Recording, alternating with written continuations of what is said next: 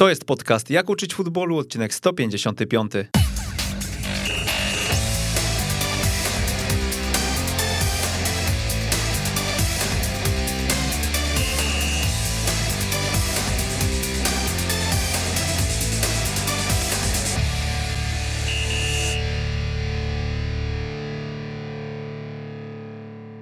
Jak uczyć futbolu?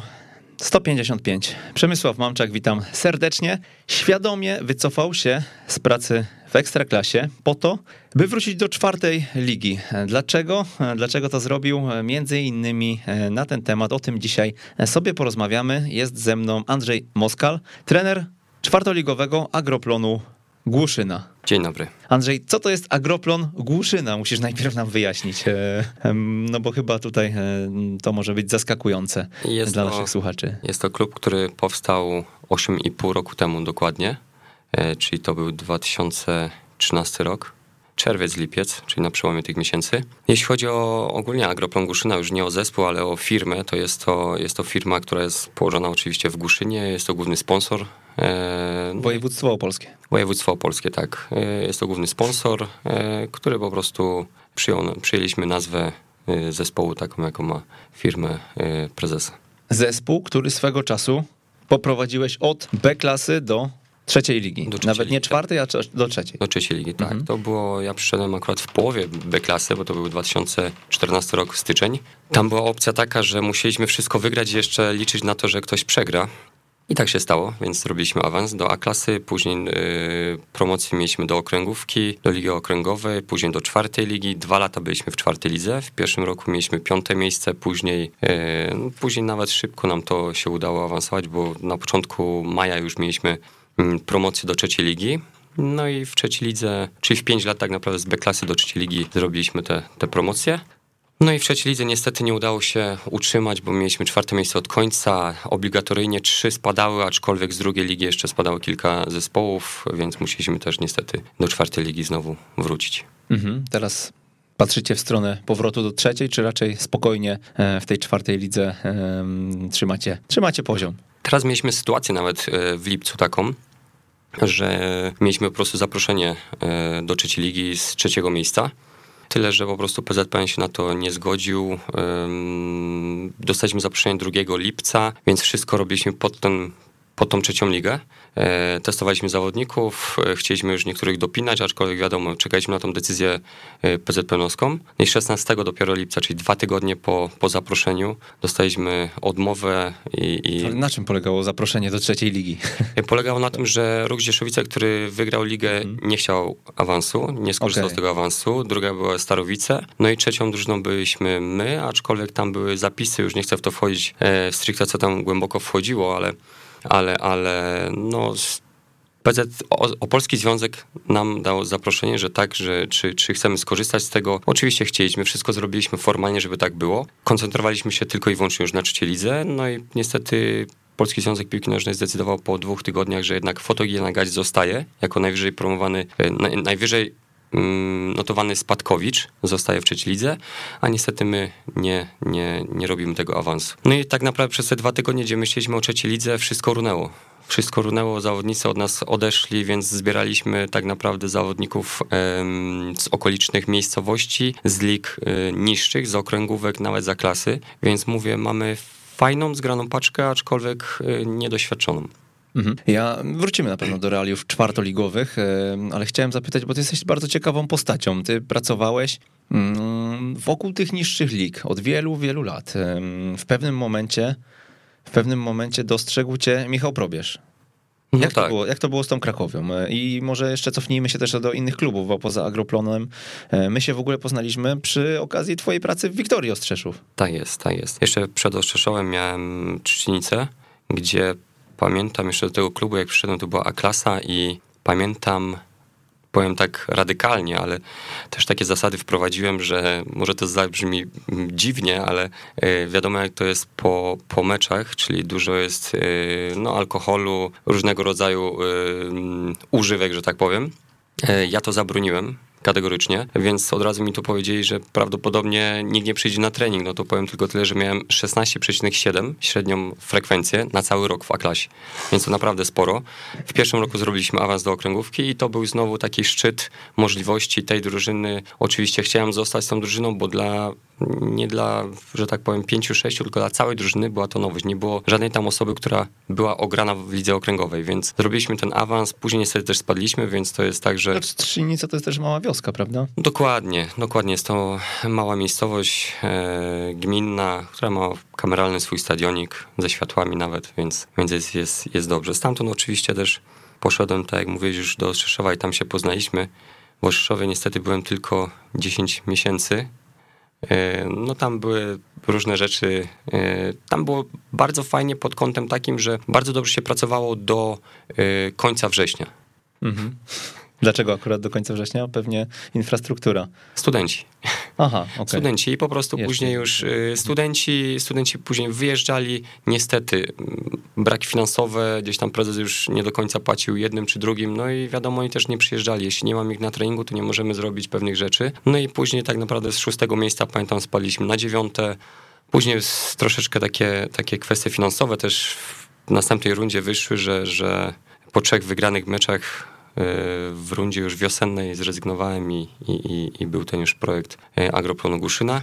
Już tak na 100% mi to powiedział i tam już się tak wdrożyłem do, do Guszyny już na 100%. Przed tym jeszcze tylko mogę powiedzieć, że e, przed Szcznicą jeszcze to pracowałem e, w starcie namysłów, tam gdzie grałem, trampkarzy i juniorów starszych miałem i to taką ciekawostką mogę powiedzieć, bo w trampkarzach miałem rocznik 96 i 5 a w pewnym momencie przyszedł do mnie chłopak, w sumie jego tato, oczywiście znamy się całą rodziną, jego tato przyszedł, jego nie wezmę, z miłą chęcią wziąłem. Um, trenował 99 rocznik chłopak, więc wiadomo, 3 lata różnicy to jest bardzo dużo, jeśli chodzi o ligę trampkarzy. E, chłopak wchodził na 15, na 30, na 45 minut już później wchodził, więc naprawdę bardzo fajnie to wyglądało. Miał swoje zadania, które wykonywał bardzo dobrze, nawet powiem jeszcze inaczej, kierował się, już był takim, widać było z charakteru liderem. Zaczął kierować, jak wchodził, to zaczął kierować y, linią defensywy przede wszystkim.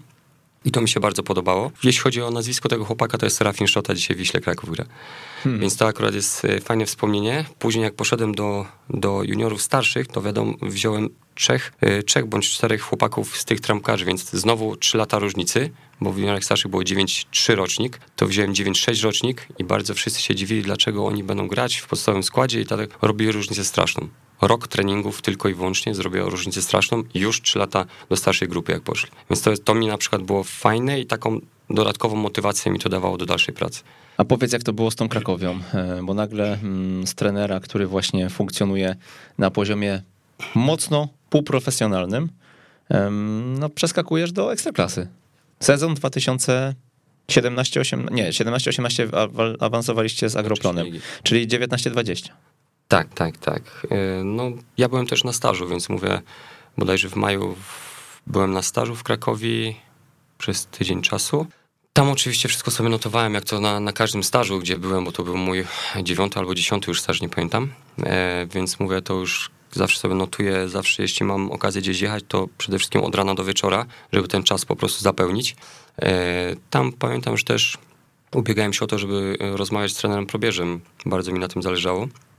No wiadomo, że też nie ma za bardzo czasu, bo tu no, praca w Ekstraklasie jest, jest czasochłonna, e, ale nadarzył się taki e, moment, gdzie, gdzie porozmawialiśmy chwileczkę, później nas e, zaprosił mnie do, do, akurat do hotelu, gdzie mieli zgrupowanie. Tam sobie porozmawialiśmy już 3-4 godzinki. No i też poprosił, żebym wysłał CV. Więc, mm, że tak powiem, miłe zaskoczenie. Wysłałem CV, oczywiście tam miesiąc, dwa nic nie było, więc czekałem sobie spokojnie, swoje robiłem. No i w pewnym momencie w lipcu bodajże, e, to była sobota, niedziela to była, 7 chyba lipca, niedziela z rana to była, tak, przed godziną dziewiątą widzę, że dzwoni trener Michał Probierz. E, no myślałem, że się pomylił, jeśli mam szczery. E, dopiero później jak powiedział, że Andrzej, czy jutro byś mógł być w Krakowie, no to już po prostu już wiedziałem, że pakuję manatki i na drugi dzień jadę do Krakowa i pojechaliśmy z całą rodziną. Szybkość tam mm, chwileczkę dosłownie porozmawialiśmy, szybko to poszło i, i, po prostu poprosiłem tylko o tydzień taki, żeby sobie wszystko zorganizować i, i wejść już do, do klubu. Mhm. No to chyba kolejny raz potwierdzenie, że warto gdzieś postawić na taką proaktywność, na to, żeby e, czasami wyjść może krok krok z szeregu, wystąpić i, i warto, warto drążyć, warto gdzieś mm, próbować poszukiwać, a, a jednocześnie w ten sposób może zwrócić na siebie uwagę czasami. No na pewno warto. No ja trzymam się tego, że nieważne czy to B-klasa czy Ekstraklasa, ważne, żeby robić to profesjonalnie, wiadomo, na tyle, ile jest to możliwe. E, mogę tylko powiedzieć, że w B-klasie, jak byliśmy, i z tego oczywiście wszyscy dookoła się śmiali, no dzisiaj może już mniej ludzi się śmieje z tego, ale no wprowadziłem, kazałem kazałem po prostu e, prezesowi, to był mój warunek, jak przychodzę do tej B-klasy, że, że kupujemy wszystkim pulsometry i robimy wszystko na pulsometrach, więc, więc to jest na takiej zasadzie. No, w, teraz w czwartej lidze też filmowaliśmy swoje mecze z dronu, więc mm, mieliśmy dwie kamizelki, e, które też pożyczaliśmy dosłownie, żeby tylko były. Coś na zasadzie katapult to były e, Player Tech. E, plus jeden zegarek e, z Polara, który mm, solidnie mm, kamuflaż był na ręce, więc sędzia tego akurat nie dopatrzył, więc tyle dobrze. No więc mieliśmy trzy osoby, które mogliśmy sobie monitorować. No i to jest moim zdaniem też taki mały, dla nich, dla tych zawodników na pewno, e, element takiego profesjonalizmu, a dla mnie coś, co mogę się jeszcze oczywiście doskonalić i uczyć i jak najbardziej na plus. Mhm. No i jak ta ekstraklasa, powiedz mi, jak cię przywitała ekstraklasa? Na pewno jest duża różnica, to jest na 100%, bo mm, o czwarty dzień pracy to była już Liga Europy, to była Dunajska Strada. Tak naprawdę nie wiedziałem, ja się tego uczyłem i nie wiedziałem, jak do tego podejść, czy to tak, czy nigdy też nie byłem y, w klubie asystentem, bo byłem asystentem, ale to w kadrach y, wojewódzkich, młodzieżowych, a, a, a w klubie nie, więc mówię tutaj do końca nie wiedziałem, jak to ugryźć. Patrzyłem się z boku, obserwowałem, y, uczestniczyłem oczywiście w tym treningu, od czasu do czasu swoje mówiłem i to kwestia oczywiście się tak wprowadzałem. Potrzebowałem troszeczkę czasu na to, żeby się wprowadzić i w sztab, bo nikogo nie znałem. Dosłownie nikogo. To nie jest tak, że jak y, niektórzy dostają propozycję, to znają trenera, czasem ja nikogo nie znałem, więc dla mnie wszyscy byli y, nieznajomymi na tamten moment i dopiero się z nimi musiałem jakoś dobrze kontaktować. Jaka była twoja rola w sztabie? Jakie były twoje zadania, zakres tych zadań? Od początku nie dostaliśmy tego zakresu, bo ten zakres zadań tak naprawdę później się kształtował. E, z biegiem czasu i z biegiem czasu robiłem stałe fragmenty, więc analizę tych stałych fragmentów, e, wszystko to dawałem e, drugiemu trenerowi, Grzegorzowi Kurdzielowi i na tym się też skupiałem, aczkolwiek też y, analizę meczów normalnie też musieliśmy robić i swojego, i, i, i, i przeciwnika. I to było też rzeczą naturalną, aczkolwiek już takie na 100%, że tylko dawałem tutaj trenerowi yy, na pendrive cały materiał tu ze stałych fragmentów i, i to było takim później moim powiedzmy, że konikiem. Mhm. A powiedz, ty w momencie, kiedy, kiedy już e, wdrażałeś się z tygodnia na tydzień, z miesiąca na miesiąc, e, mówiłeś, że też e, ten czas zarywanych nocek się skracał. Na początku było to tam 6 rano, kończyłeś analizę, trzeba było o 8 czy o 7 już wyjeżdżać do klubu, no ale później okazało się, że mm, nie taki diabeł straszny, bo po którymś tygodniu to już była pierwsza i mogłeś spokojnie się wyspać, tak? No dokładnie, dokładnie, tak to, tak to wyglądało. Akurat też jeszcze jak byłem w Krakowie, to no często mieliśmy, to wiadomo, gdzieś tam telefony przed północą, żeby zrobić na jutro to i to, więc wiadomo, ten czas, tak jak mówiłeś, o piątej do wpół do szóstej często się robiło. No później ten czas się oczywiście skracał, robiło się to do trzeciej, do czwartej, później do drugiej, do wpół do trzeciej, więc na pewno się to skracało, aczkolwiek no pewne elementy potrzebują czasu, bo to też trzeba robić yy, no, rozsądnie i, i na 100%, żeby nic nie umknęło, więc ten czas na pewno i tak kilka godzin musiało być. Mhm. Mm, dla ciebie, jako osoby bardzo zorganizowanej, poukładanej, to był problem, żeby się, e, żeby się zaadaptować do takiego funkcjonowania, że właśnie o 23 masz informację, Andrzej, musisz to zrobić. To znaczy byłem na to gotowy, to na pewno, aczkolwiek yy, gotowy byłem na, na, na telefony o 23 czy o 24, bo mieszkałem akurat w Krakowie sam, yy, akurat bez rodziny i, i na to byłem gotowy, aczkolwiek zawsze byłem poukładany, zawsze miałem dzień szybciej ten trening przygotowany, wszystko było na, na tip-top zrobione, a tu jednak y, często się pracuje w ekstraklasie yy, w deficycie czasu i, i to, jest, to było dla mnie bardzo ciężkie w pewnych momentach, w pierwszych momentach, e, ale później, mówię, też rozmawiałem dużo ze swoimi gdzieś tam przyjaciółmi, kolegami, trenerami, którzy byli na tym, na najwyższym poziomie i, i powiedzieli mi wprost, żebym to po prostu przetrwał i żebym się tego uczył. I, I, to było też takie, mi się wydaje, kluczowe. Tutaj dużo rozmów miałem z Eddie Mandradiną na przykład, który mi tak powiedział wprost, żebym to przetrwał, żebym czekał, bo tak jest w wielu klubach i po prostu tak trzeba e, funkcjonować. I to jest dobre, bo dzisiaj na przykład też wyciągam sporo z, od, z tego, że byłem w Krakowie. Dużo zacząłem sam kreować, dużo myśleć, dużo też w deficycie czasu pracuję, więc to jest to, że przychodzę i to, że mam coś poukładane, czasami mi się coś zmienia, a przede wszystkim jeśli to jest sport amatorski. Mhm. A powiedz z perspektywy właśnie obserwacji tego z bliska, ty myślisz, że to jest jedyna droga w ekstraklasie dzisiaj, czy, czy jednak nie? No bo um, patrząc na, na, na, badania też e, związane z naszym samopoczuciem, z tym, jak odbieramy pewne rzeczy, po prostu niewyspani jesteśmy dużo mniej efektywni i ten, um, ten etos pracy, o którym e, tak wiele się w kontekście zawodu trenera mówi, który prowadzi, e, bo etos pracy to jest coś pozytywnego, tak, ale ten w, w rozumieniu naszym e, często e, właśnie upraszczany w ten sposób, że po prostu zarywasz nocki i śpisz po dwie godziny, e, no raczej prowadzi do więcej, do, do, do, do bardziej złych rezultatów niż do dobrych, tak? Według, według tego, co możemy gdzieś wyczytać w książkach. No ale pytanie, jak to ma się z rzeczywistością i czy ty dzisiaj mm, twierdzisz, że tak jest, czy jednak, czy jednak no jest inna droga? Znaczy nie, no na pewno jest inna droga i, i wiadomo, można to rozłożyć na jeszcze większy sztab, tak? Mhm. Ale do tego potrzeba, wiadomo, finansów. Więc y, jeśli jest y, mało ludzi, a dużo pracy, więc no trzeba po prostu tak zrobić, ale pamiętam też taki moment właśnie y, na obozie w Turcji, gdzie tak naprawdę wieczorami się dużo pracowało, dużo analiz było, bo tam było dużo też sparingów środa, sobota, więc tych analiz było bardzo dużo i dużo materiałów trzeba było przygotować. E, no i pamiętam, że po pewnym chyba na śniadaniu, czy na już obiedzie, nie pamiętam, ale kuchni pamiętam, jak rozmawialiśmy z trenerem prawie, że mi się spytał, jak ty oceniasz ten ostatni mecz, a ja tak naprawdę kompletnie go byłem na meczu, a go kompletnie nie widziałem. Byłem tak zdekoncentrowany, niewyspany i to, co pewnie o tym, co mówisz. No. To było tak, że się cały czas pracuje, pracuje, a później no, człowiek nawet nie funkcjonuje, nie widzi pewnych, no jest zdekoncentrowany, czyli nie widzi, nie, nie widzi tych detali, tych szczegółów, które są bardzo ważne. Mhm. Jakim człowiekiem jest Michał Probierz? Wiemy, że to jest ikona e, polskiego środowiska szkoleniowego, no ale w takim kontakcie bezpośrednim pewnie e, jest inny niż w kontakcie medialnym. Jest na pewno mm, bardzo dobrym człowiekiem i to jest, to jest przede wszystkim, bo, bo trenerem, tak jak się często mówi, trenerem się bywa, a człowiekiem się jest całe życie i to jest taki przykład, aczkolwiek jeśli chodzi o trenera, to yy, probierza, to w tym wypadku trenerem się nie bywa, on jest cały czas. Akurat już bodajże 15 czy 16 rok w Ekstraklasie, więc, więc, więc on jest cały czas. Jest naprawdę mm, bardzo spokojny, opanowany, ale na pewno ma swoje zasady, które trzeba po prostu Zaakceptować. Zaakceptować, mhm. dokładnie.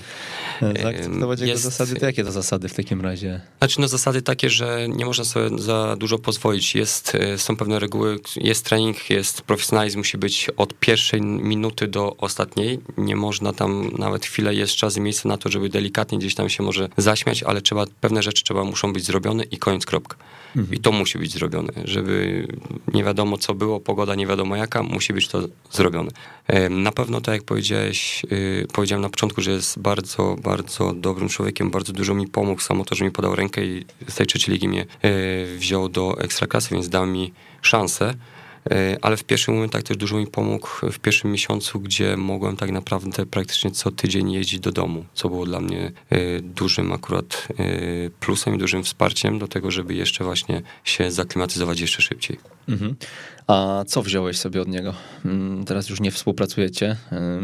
Co w swoim warsztacie, w twoim warsztacie jest dzisiaj e, taką naturalną, naturalną następstwem naturalnym tego, że współpracowaliście i po prostu działaliście w jednym sztabie i to ci się spodobało?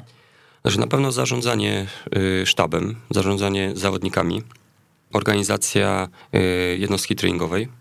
To są główne chyba te wątki, które sobie wziąłem. Na pewno wziąłem sobie w czwartej lidze, mam asystenta, więc też jest, e, mam trenera bramkarzy, mam y, fizjoterapeutę, więc i kierownika, którzy tak naprawdę wszyscy biorą udział treningu, po to, żeby nie było żadnych przestoi, żeby to było płynność i żeby nawet na tym czwartoligowym poziomie y, wyglądało to profesjonalnie. Y, wszyscy biorą udział. Kierownik, tak jak powiedziałem, czy to talerzyki zebrać, czy to, żeby z jednego miejsca na drugie, z jednego ćwiczenia na drugie po prostu płynnie przejść. Czyli mhm. po prostu organizacja jednostki treningowej, zarządzanie tymi yy, osobami, tak, sztabem, to jest przede wszystkim, no i też przede wszystkim jeśli chodzi o podejście do, do zawodników, że też... To powiedz jeszcze, jak zarządza sztabem?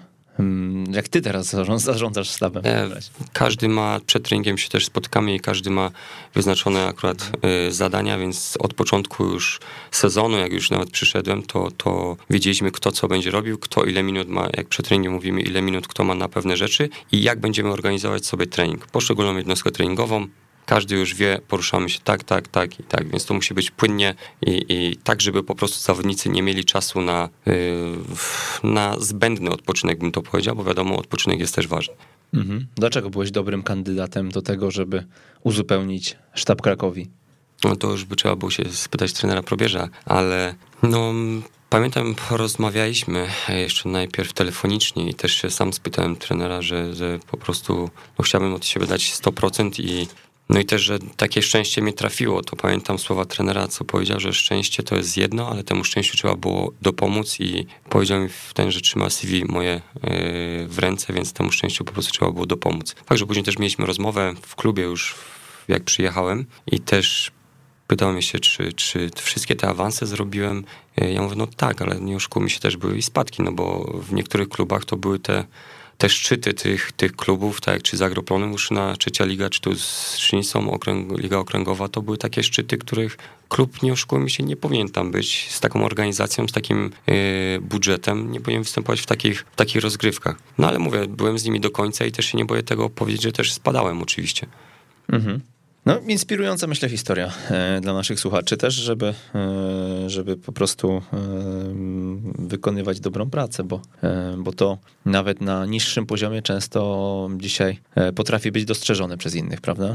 Dokładnie. To powiedz, jak wyglądał ten staż jeszcze, na którym, po którym tak, tak tego trenera probierza mocno wertowałeś później? No ja przyjechałem e, na początku tygodnia i, i pierwsze co to oczywiście chciałem sobie tą całą organizację całego treningu, całego tygodnia już zobaczyć, tak żeby nie tylko na pierwszą drużynę jeździć e, i, i hospitować jednostki treningowe, ale też na juniorów, juniorów młodszych i te grupy młodzieżowe na pewno, bo, bo chciałem po prostu ten cały dzień zapełnić. No i tam było też dużo osób, bo tam było też dużo praktykantów, którzy robili kurs UFA więc aż z niektórymi też y, siedziałem i się dziwili oczywiście, dlaczego ja zapisuję cokolwiek, a, oni sobie gdzieś tam rozmawiali. No ja, ja muszę mieć wszystko na zicher, bo gdzieś to sobie też do laptopa wszystko wpisuję i to wszystko chcę mieć po prostu y, w głowie. Wiadomo, wszystkiego nie można mieć, więc na ten papier, że tak powiem, przysłowiowy trzeba to przelać. E, no i szczegóły, przerwy wypoczynkowe, ile czas y, ćwiczenia poszczególnego trwa,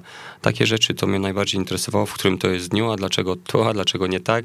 No i później oczywiście chciałem w poniedziałek, wtorek, środa, czwartek, tak się pytałem, czy trenerze możemy porozmawiać. Nie, nie ma czasu na razie i, ten, i dopiero w piątek i pamiętam, że w piątek na stadionie o 15 się umówiliśmy.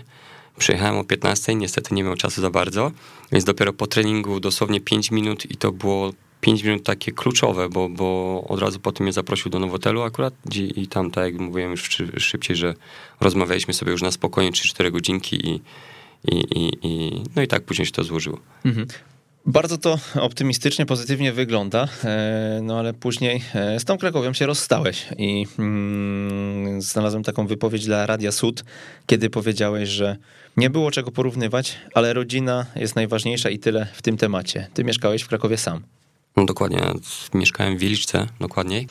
E, powiem tak, o, przed Krakowią, jakbym dostał propozycję z drugiej, z pierwszej już Ekstraklasie nawet nie myślałem wtedy, to pewnie bym wziął plecak i poszedł w ciemno. E, delikatnie tą rodzinę bym tak na drugi plan zestawił i to wprost nawet żonie też to mówiłem, że takie, taka sytuacja po prostu kiedyś będzie i taką sytuację będę chciał e, wykorzystać. Czy to będzie druga liga, czy pierwsza liga, mówię o Ekstraklasie, nawet już wtedy nie myślałem. Zmienia się mentalność, jak się już tam jest i się pracuje.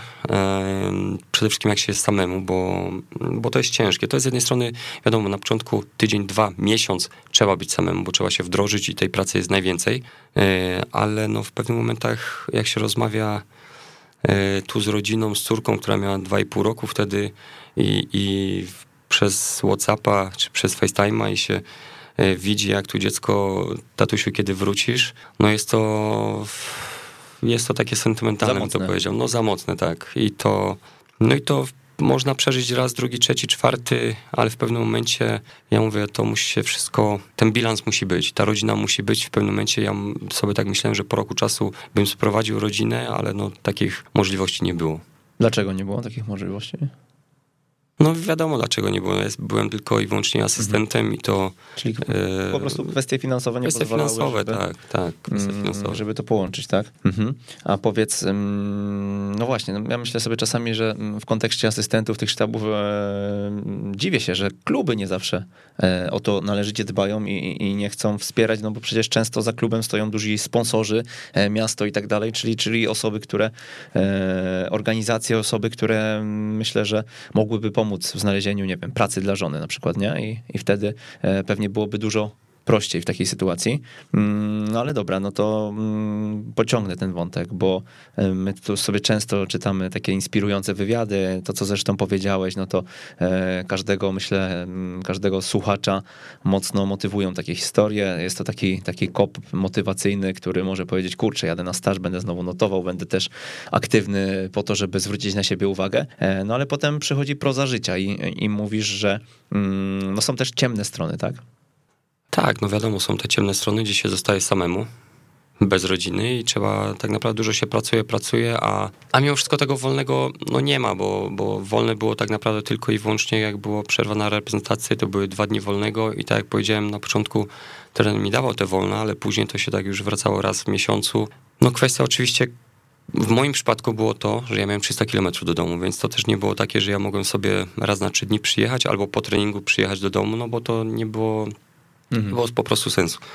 Więc y, te ciemne takie zakątki to są właśnie to przede wszystkim, mi się wydaje, ta rodzina. To jest ten, ja, ja nie boję się powiedzmy, że rozłamu, tak, ale to musi iść, no musi być ten mm, zbalansowane to musi być. Ta rodzina musi być raz na jakiś czas, a przynajmniej, yy, no tak jak powiedziałem, po pewnym czasie, czy to po roku, po dwóch, czy po trzech, yy, no, można to pociągnąć rok, może dłużej, nie wiem, ale na dłuższą metę by było to ciężej, ciężko. Żona dodatkowo mobilizowała do powrotu, czy, czy to ty czułeś bardziej, e, że jednak e, pewna formuła się wyczerpała? No powiem jeszcze inaczej. Ja kontrakt mi się skończył 30 czerwca, a tak naprawdę przecież Krakowia miesiąc później zdobyła puchar.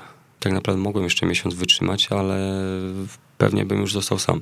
To już było tak na, na, na małym, cienkim wosku, bo w kwietniu dosłownie mi się urodziła druga córka, więc mhm. Mm, z którą mieliśmy małe problemy mm, zdrowotne i, i tu nie mogłem prosić o miesiąc urlopu czy dwóch, bo takich rzeczy się po prostu nie robi w Ekstraklasie. No. A co A, na to trener probierz? Ja też nie chciałem wchodzić na jakieś sentymentalne, powiedziałem, że po prostu nie mogę, bo mam rodzinę i, i to koniec kropka. Ja też nie chcę wchodzić na jakieś sentymentalne, że jest taka i taka sytuacja, no to jest moja prywatna sprawa. Mieliśmy problemy, całe szczęście jest już wszystko dobrze. E, no i córka ma półtora roku, więc jest okej. Okay.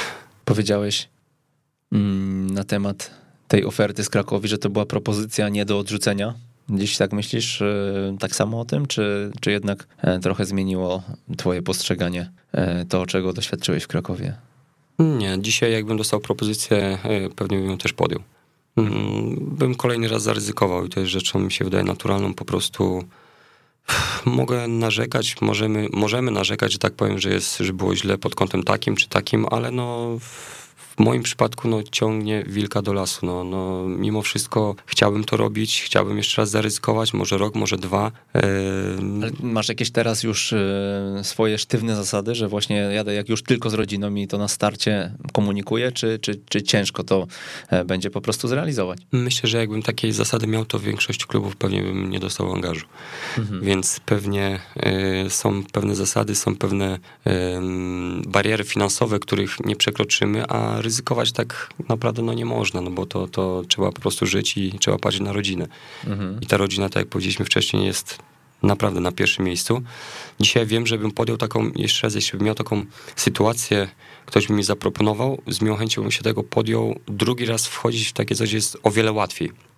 Ta pewność siebie na pewno jest o wiele większa, e, ten wachlarz ćwiczeń jest o wiele większy. Tak jak powiedziałem, już te kreowanie, myślenie się też e, polepszyło. Mhm. No dobrze, ale, mm, ale z, w tym momencie co, zdajesz sobie mm, taką opcję tylko względem ekstraklasy, czy jednak, e, jednak jakaś pierwsza, druga liga e, też cię interesuje i czy, czy patrzysz na to też geograficznie, e, żeby było trochę bliżej, żeby tych, tych przyjazdów więcej, mm, więcej jednak sobie zapewnić? No wiadomo, jeśli by to było im bliżej, tym lepiej, ale też nie patrzę na to, jeśli to jest koniec Polski, a, a są takie możliwości, że, że można by było rodzinę wziąć nawet na dwa tygodnie, później na kolejne dwa tygodnie w pewnych momentach, więc można by było to tak partiami robić. Mhm. E, nie patrzę, czy to jest ekstra klasa tylko i wyłącznie, bo nie oszukujmy się, ja, ja byłem tylko i wyłącznie najwyżej w trzeciej lidze jako pierwszy trener, a jako asystent tutaj w ekstraklasie byłem tylko i wyłącznie rok, więc są trenerzy tak naprawdę, którzy mają UEFA Pro i, i byli po kilka, 5, 6, 7 lat asystentami i na dzień dzisiejszy przykładowo nie mają pracy. Więc mówię, ja jestem tak naprawdę jeszcze tego mało doświadczenia mam, żeby, żeby sobie mówić, że tylko ekstraklasa poziom centralny jakby był, e, jakby ktoś zaproponował asystenturę z miłą chęcią. Można się od kogoś uczyć i od każdego można się uczyć, od innych trenerów jak najbardziej. Jakie błędy popełniłeś wchodząc do Krakowi i funkcjonując w niej? Wydaje mi się, że teraz tak patrząc z boku, oczywiście to można fajnie te wnioski powyciągać. Pewność siebie była za mała. Ja jestem człowiekiem, co mi to któraś z kolei osoba mówi, że jestem skromny, aczkolwiek ja chcę się uczyć i nie do końca może proponuję swoje rozwiązania, a jak już... Za dużo pokory, a za mało pewności siebie. Tą pokorę to akurat mam dużo i jeszcze tej pokory lekcji spływa jeszcze więcej y, co rusz, więc y, ale mówię, tej pewności siebie brakuje. Brakowało przede wszystkim, bo teraz, tak jak już powiedzieliśmy, po tej Krakowie jest naprawdę dobrze, czuję się pewnie. Nie chcę, żeby to tak samo musi być zrównoważone. Nie chcę, żeby było za dużo pokory, za dużo, a, a za dużo gdzieś tam gdzieś pychy. To musi być zbalansowane, żeby być normalnym człowiekiem i dobrym trenerem.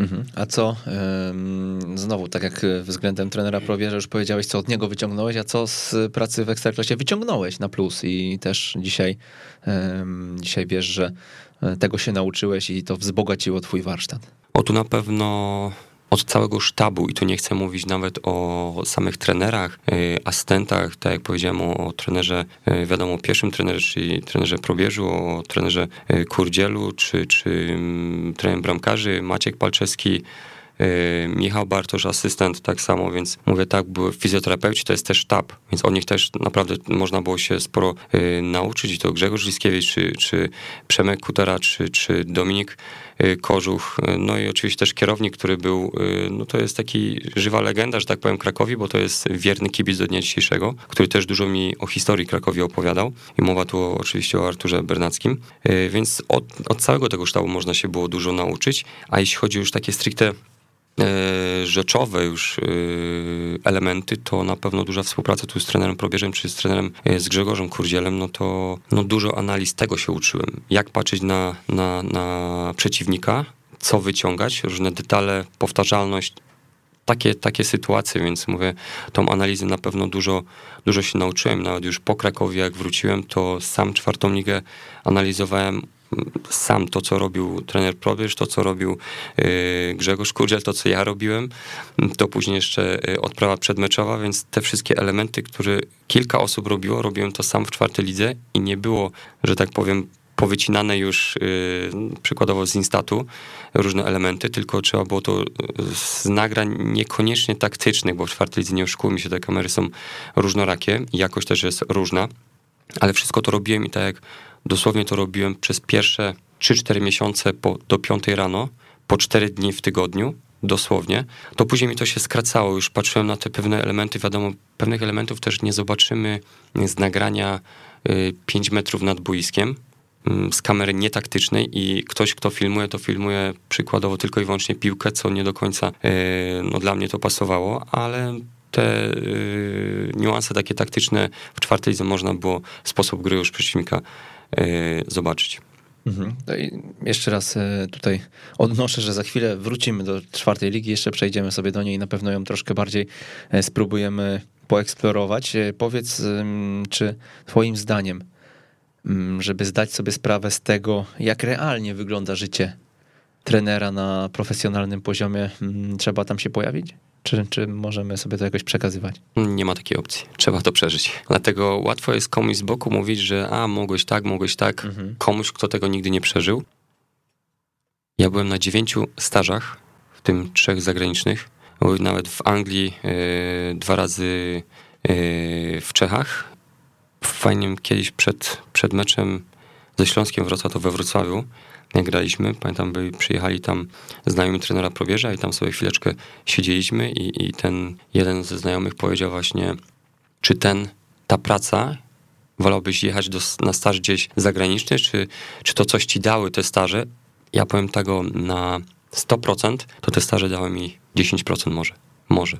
Chociaż myślę, że i tak mimo wszystko będę chciał jeździć na te staże, bo teraz wiem jeszcze inaczej, jak na te staże patrzeć, ale sama praca, a staż trenerski to są dwie różne bajki. Wiadomo, staż trenerski to jest hospitacja, a, a, a, a praca to jest praca, w którą się wchodzi e, w organizację treningu, mikrocyklu i tak dalej, i tak dalej. Tam się już Nauka po prostu jest. na doświadczeniu jest najefektywniejsza, no, to, to Dokładnie. też badania, prawda? Dokładnie. Mm, no ale warto też kierunkować tą swoją pracę na dobre tory po prostu i te 10% czasami e, myślę, że jest też istotne właśnie tych stażów, szkoleń, jakichś tam spotkań z ludźmi, no bo możemy pracować na co dzień, doświadczać, ale mm, robić duże błędy, które po prostu e, Prosto, no, bez, tych, bez tych stażów pewnie by było mi jeszcze gorzej, no. Mhm. Więc te 10% a, dużo mi dało. A powiedz, czy myślisz, czy, że praca trenera jest pracą dla określonej grupy ludzi, taki, takich ludzi, którzy, nie wiem, inaczej patrzą może na wartości, właśnie, że, nie wiem, inaczej patrzą na swoje relacje rodzinne, na organizację pracy, na to,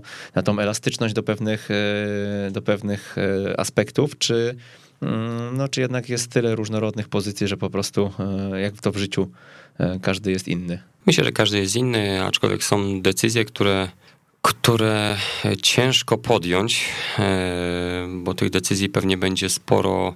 Jeśli ktoś dostanie już angaż w ekstraklasie czy na poziomie ogólnie centralnym, to tych decyzji jest naprawdę sporo takich rozłamów, właśnie rodzina, a, a, a, a praca. Ale myślę, że mm, każdy charakter, każdy człowiek ma inny charakter i ten charakter jest e, inaczej odbiegany w tej trenerce i w tej trenerce też e, wydaje mi się, że powinno być różnorakość i, i inny ktoś, przykładowo ja patrzę inaczej na pewien mecz, ty możesz patrzeć na, na ten mecz jeszcze inaczej i można sobie fajnie po, porozmawiać na ten temat i wyciągać z tego wnioski. Jakie są najważniejsze wartości dla ciebie, jeśli chodzi o, o takie, mm, taki kręgosłup moralny i e, zestaw zasad, które, e, które dotyczą twojej osoby? No przede wszystkim to rodzina. Jeśli chodzi o wartości, przede wszystkim o e, zaufanie, rodzina, szczerość. To jest na pierwszym miejscu. E, ja sobie cenię szczerość i pracowitość. O, często właśnie żona ma do mnie e, Ogólnie rodzina ma do mnie pretensje o to, że, że za dużo pracuję, a powinienem sobie dać na luz, bo to jest tylko czwarta liga, ale no, ja nie chcę z tego odchodzić. Ja mam asystenta, ale mimo wszystko ja pewne rzeczy chcę też sam zrobić, bo wiem, wiem i chciałbym w przyszłości też być tym asystentem, więc nie mogę z tego zapomnieć. Chcę to po prostu cały czas sobie powtarzać. Więc tak jak powiedzieliśmy, ta pracowitość to jest na pewno wartość taka, którą sobie cenię. Yy, no, zaufanie i szczerość. No i przede wszystkim też rodzina, bo to jest na pierwszym miejscu. Jest takie zdanie, które mówi, że jeśli chcesz pracować w ekstraklasie, pracuj, jak w ekstraklasie, nawet jeżeli jeszcze w niej e, nie jesteś. Dokładnie. Zamykając wątek Krakowi, Andrzej, przygotowałeś dla naszych słuchaczy prezent właśnie związany z pracą w ekstraklasie, tak?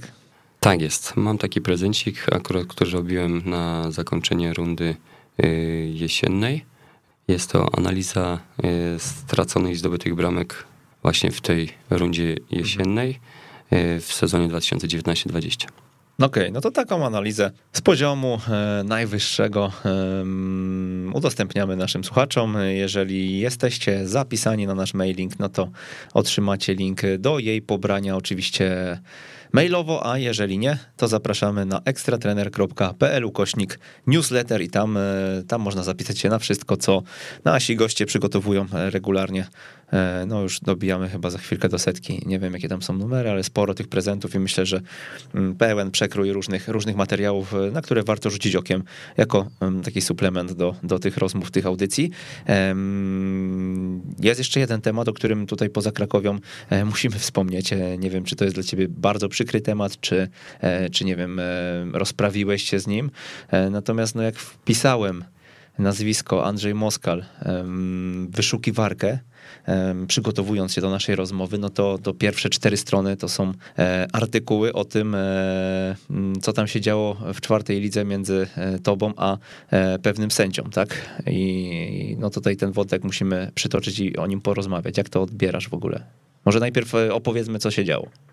No, nie chciałbym, to oczywiście będzie taka e, subiektywna ocena, a, a, no ja powiem tylko tyle, że po tym zdarzeniu oczywiście źle zrobiłem, to był błąd, to były jakieś tam emocje, które, nawet nie chcę mówić, że boiskowe emocje, mm, bo to czy wiadomo, to są sędziowie na czwartoligowym poziomie, tak samo jak jestem trenerem na czwartoligowym poziomie, więc gdzieś te błędy popełniamy, ale ten błędy się zdarzają i to jest rzeczą naturalną. I tak jak ktoś ciężko pracuje, te błędy będzie popełniał i kto nie, nie pracuje, nie robi nic, tych błędów nie będzie popełniał i to jest też rzeczą naturalną. Ja się czułem po tym zdarzeniu po prostu później już, na, na drugi y, dzień, jakbym kogoś naprawdę pobił, ten ktoś był y, w szpitalu i jeszcze, nie daj Bóg, y, od, od To już było po powrocie z Krakowi. E, pracowałeś tak, w czwartej tak. lidze w Agroplonie i podczas jednego tak. meczu no, była jakaś tam kontrowersyjna sytuacja. Wasz zawodnik, zdaje się, uderzył, e, uderzył gdzieś tam no, przy przepychance, dokładnie, e, dokładnie. zbiegając do linii bocznej, uderzył przeciwnika, e, za co dostał czerwoną kartkę, ty gdzieś tam, to było blisko waszej ławki, interweniowałeś, podbiegłeś, e, no i naruszyłeś nietykalność sędziego według,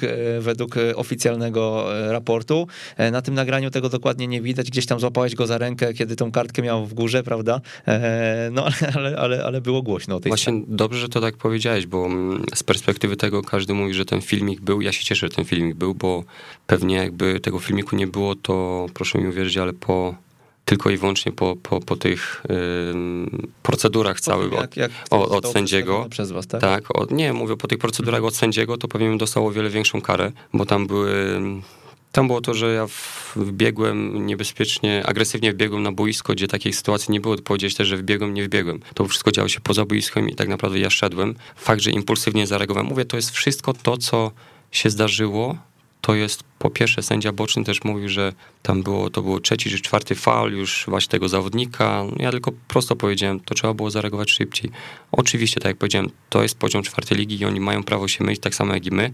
Bardziej mi się wydaje, że to emocje takie ode mnie wyszły po tym, jak właśnie wróciłem z Krakowi gdzieś tam z tyłu głowy jeszcze, mówię, to druga córka jak się rodziła, gdzieś tam mieliśmy problemy, to wszystko gdzieś tam z tyłu głowy skumulowało się. Skumulowało, dokładnie. Jeszcze ta decyzja tutaj sędziego, oczywiście ona była słuszna, bo czerwoną kartkę powinien dostać. Z mojej perspektywy wtedy nie, ja gdzieś tam chciałem za, za rękaw go chwycić i tak dalej, więc mówię, ładnie to powiedzieć, że to była nietykalność, bo niestety w tych, w tych no w internecie można czytać różne, różne tytuły i z którymi nie mogę się zgodzić po prostu prostu ja nikogo nie pobiłem, nie uderzyłem. No, to były nośne tytuły. E, natomiast, Wiadomo. Natomiast e, no, no tutaj na pewno przekroczyłeś taką granicę, chociaż zawsze kontekst jest istotny i to, co mówisz, ta akumulacja pewnych rzeczy też e, no, nie usprawiedliwia cię to, ale w jakiś sposób można starać się zrozumieć i podejść empatycznie do takich sytuacji. Chociaż, chociaż mówię, no tutaj, mm, no tutaj kara musiała być, chociaż dla ciebie ona była szczególnie dotkliwa, bo ty się kilka dni przed tą sytuacją wcześniej dostałeś na kurs UEFA Pro, z którego zostałeś wyrzucony po tej Dokładnie. sytuacji. Dokładnie. Później podziękowano mi akurat i się też nie dziwię, bo to jest rzeczą naturalną. Na, pewnie na miejscu tam y, trenerów ze szkoły zrobił to samo, to jest, bo to jest po prostu no, dobry wizerunek szkoły by był naruszony i z tego się po prostu nie dziwię, tylko chciałem jeszcze tak wrócić do tego, że każdy tak naprawdę dziennikarz, który starał się dzwonić, to tylko chciał obrzucać y, kamieniami we mnie, błotem i tak dalej, że tak, że tak, nikt się nie spytał co, jak to.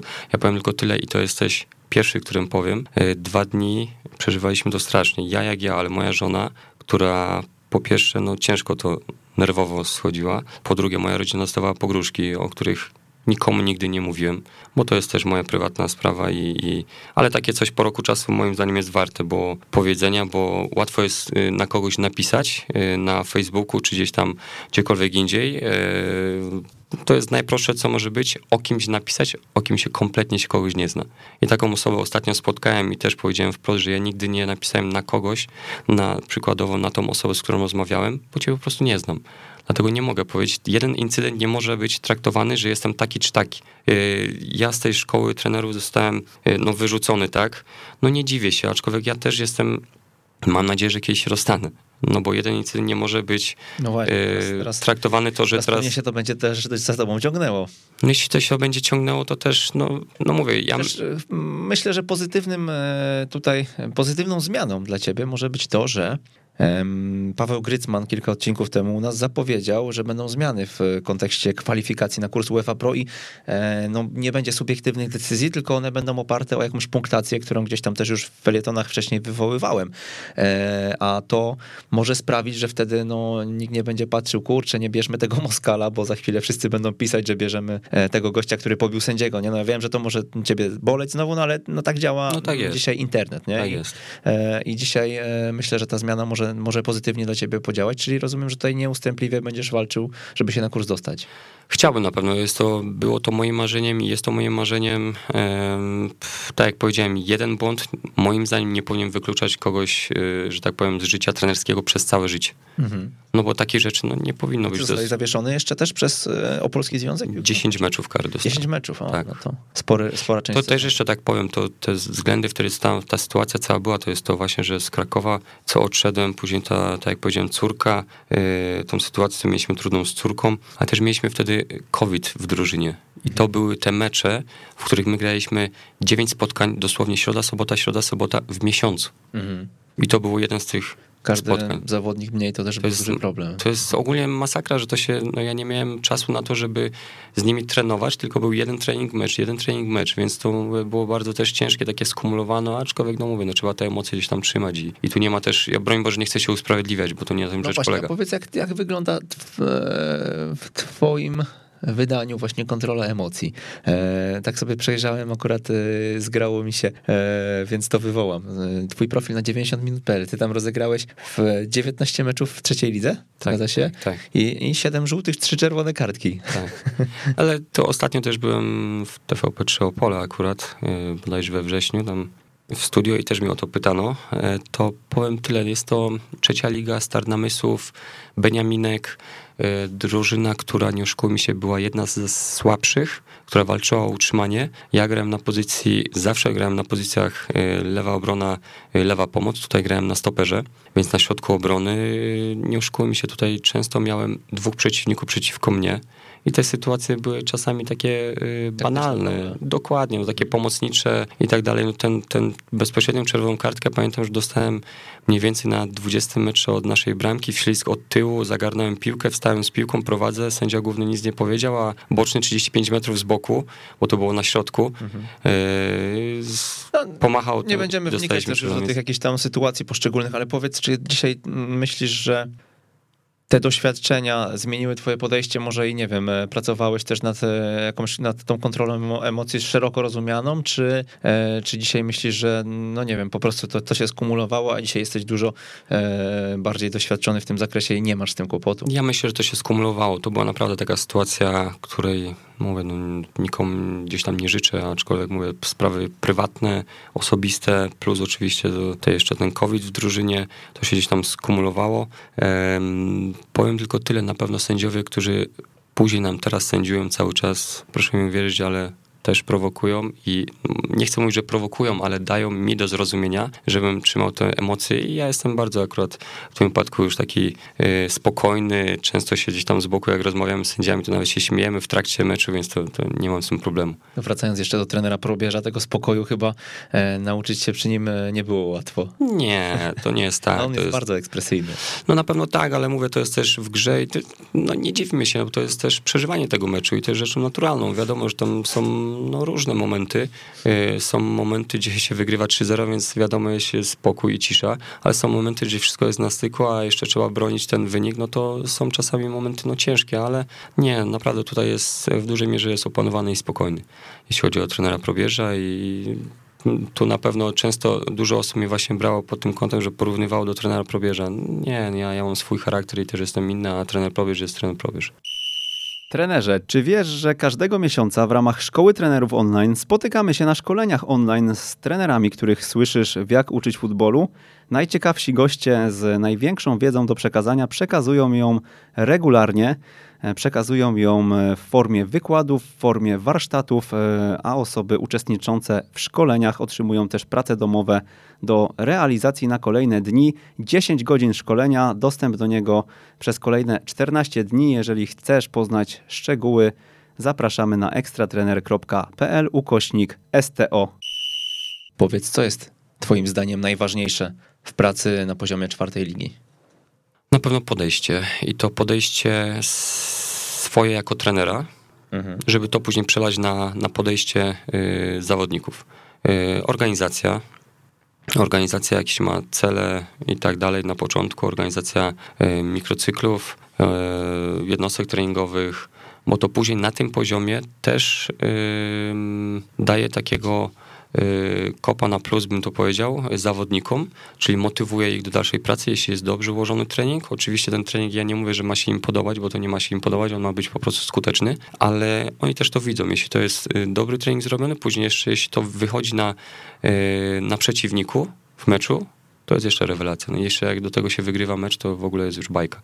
Mhm. No to słyszymy już tak jakby gdzieś między wierszami twoje podejście. Myślę, że to jest też, e, lubię takie rozmowy, bo też wierzę, że gdzieś, gdzieś na tych niższych poziomach nasze podejście e, po części koreluje z tym, co się dzieje za kilka lat, nie? Czyli tak jakby na, no dzisiaj ty nie widzisz w czwartej lidze, no ty już zobaczyłeś, ale, e, bo byłeś wyżej, ale e, dzisiaj wiele osób pracujących na tych ligach zastanawia się, kurczę, może przesadzam, może jednak e, za dużo się poświęcam, za bardzo, może podchodzę na śmiesznym poziomie zbyt profesjonalnie do tego, co robię e, i, i wręcz, wręcz właśnie tutaj gdzieś jest to wyśmiewane. Natomiast e, no to jest taka cegiełka do cegiełki, doświadczenie do doświadczenia, detal do do detalu, który zbuduje pewien obraz, e, no, który będzie pełniejszy za jakiś czas. Dokładnie, ja do tego też podchodzę tak, że ja będę robił wszystko na 100%, czyli dążyć do tej perfekcji. Oczywiście tej perfekcji się nigdy nie zdobędzie, ale trzeba być najbliżej tego, tego modelu perfekcyjnego trenera, żeby być gotowym na ten telefon. Jeśli będzie ten telefon z wyższej ligi, to bądźmy gotowi, a nie... Szczęście czy fart. No, a nie czekajmy na to, a jak zadzwoni, to będę wtedy pracował. No nie bądź gotowy. To proszę mi wierzyć, i tak nie będziecie gotowi na tej zasadzie. To będzie takie 10%, 20%, mhm. Y, kwestia oczywiście jaki to jest klub, poziom i tak dalej, ale to jest 20% i tak musicie wszystko na nowo wszystko robić, więc to wam dużo pomoże w takiej samokontroli, yy, samo zasad przede wszystkim, samodyscypliny, żeby samemu to robić cały czas i później jak się wejdzie w ten tłok tej pracy, to już jest taka monotonia, automatyzm, tak. Ukształtowane. Dokładnie. To tutaj nawiązując do naszych pierwszych spotkań, to, to, to było chyba podobnie, bo ja pracowałem w lokalnym e, tygodniku, w Pulsie Tygodnia. E, pochodzę z Kępna, więc e, bywałem w Kępnie, w Ostrzeszowie na meczach czwartoligowych, meczach okręgówki. No i tam właśnie Andrzej Moskal się pojawił jako trener Wiktorii. No i rozmawialiśmy sobie sporo, myślę, gdzieś tam niedzielne wieczory, no to, to był taki czas, że, że praktycznie co tydzień się zdzwanialiśmy. Zresztą nawet te śmieszne śmieszna sytuacja wyszła dzisiaj. E, mówisz, że masz mnie tak zapisanego z e, tym pulsem tygodnia. Dokładnie, cały czas w telefonie zdziwiłeś się, że, że dzisiaj e, od ten, jakiś czas temu trochę odgrzewam z naszą znajomość. No dokładnie, dokładnie, ale tak jak powiedziałeś, te, te, ja lubię ogólnie rozmawiać, tak samo jak i teraz z Trybuną Polskiej dzwonią i też lubię właśnie podpytać, a to czy to jeszcze, jak ktoś był na meczu, to tak, tak jak z tobą. No. Prosiłeś, prosiłeś, żebym gdzieś tam został i wypytywałeś o poszczególnych zawodników, jak właśnie to widzimy i tak dalej, chociaż no, szczerze mówiąc myślę, że dziennikarze to nie jest dobry też kierunek. Tak, dokładnie, mi e, bardziej bo chodziło... I tutaj nie uderzając nie, w dziennikarzy, bo dzisiaj po części traktuje się jako dziennikarza, ale już trochę jednak nie. Natomiast e, no wtedy to myślę, że no, no nie byłem dobrą osobą, żeby to oceniać, nie? Tak bardziej mi chodziło o bardziej mi chodziło o osobę e, obiektywną, która interesuje się sportem, piłką nożną. Niekoniecznie musiałem się z tą zgadzać, jeśli chodzi o opinię, wiadomo, ale sobie ją brałem pod uwagę i, i warto jest takie coś zobaczyć i, i posłuchać posłuchać, bo jedna, druga, trzecia opinia i sobie zobacz, oczywiście tak. i tak będę się trzymał. to są opinie kibicowskie, nie? Dokładnie. Mierze, I tak mierze. będę się trzymał swoim, że tak powiem, zdania. Od czego zaczynasz pracę e, na poziomie, no trzymajmy się tej czwartej ligi już? Tak jak powiedzieliśmy sobie od organizacji przede wszystkim, e, już mówię pod kątem mm, takiego mikrocyklu, mikrocyklu, to po meczu od razu analizujemy sobie mecz, który był, jeśli mamy taką możliwość, to od razu, jeśli graliśmy u siebie, to od razu mamy ten, ten mecz na laptopie. E, jeśli nie, to musimy tam czekać może dzień, Czasami jest to wieczorem, więc sobie całą noc już tu spędzam, żeby sobie zobaczyć ten mecz. Analizujemy ten mecz, który był. Później na pewno e, przygotować się, czyli jednostki treningowe przygotowujemy do, do, do, do, do całego tego mikrocyklu, ale pod przeciwnika. Czyli już oglądamy przeciwnika, tak żebyśmy wiedzieli, jakie ćwiczenia możemy taktyczne wprowadzić, żebyśmy mieli kontrolę przykładowo, czy to gry, czy w te słabe punkty przeciwnika uderzyć. To wejdźmy sobie może właśnie w te słabe punkty. Jakie, mm, gdybyśmy sobie przytoczyli kilka przykładów, e, ale tak bardzo konkretnie, jakie słaby punkt zauważałeś, jak nad tym chcieliście pracować, bo no dzisiaj, co by nie mówić, w ekstraklasie pewne powtarzalności i automatyzmy trudno dostrzec. E, na poziomie czwartej ligi no to jest jeszcze trudniejsze. E, wiadomo, że i nawierzchnia jest różna i e, umiejętności techniczne są, no, no, no sam skład, tak jak powiedziałeś, no drużyny się składają w dużej mierze z osób, które gdzieś być może nawet nie trenują regularnie, tylko w piątek wracają ze studiów, nie? I przyjeżdżają z takiego Wrocławia do Ostrzeszowa, wchodzą do, mm, do treningu w piątek, ale nie wiedzą, co się działo we wtorek, w czwartek i, i w tym momencie już, już, już to w tą niedzielę nie wyjdzie tak, jakbyśmy chcieli. Więc pytanie, czy e, na ile to jest uszczegóławiasz właśnie te, te, te, mm, te obserwacje względem przeciwników?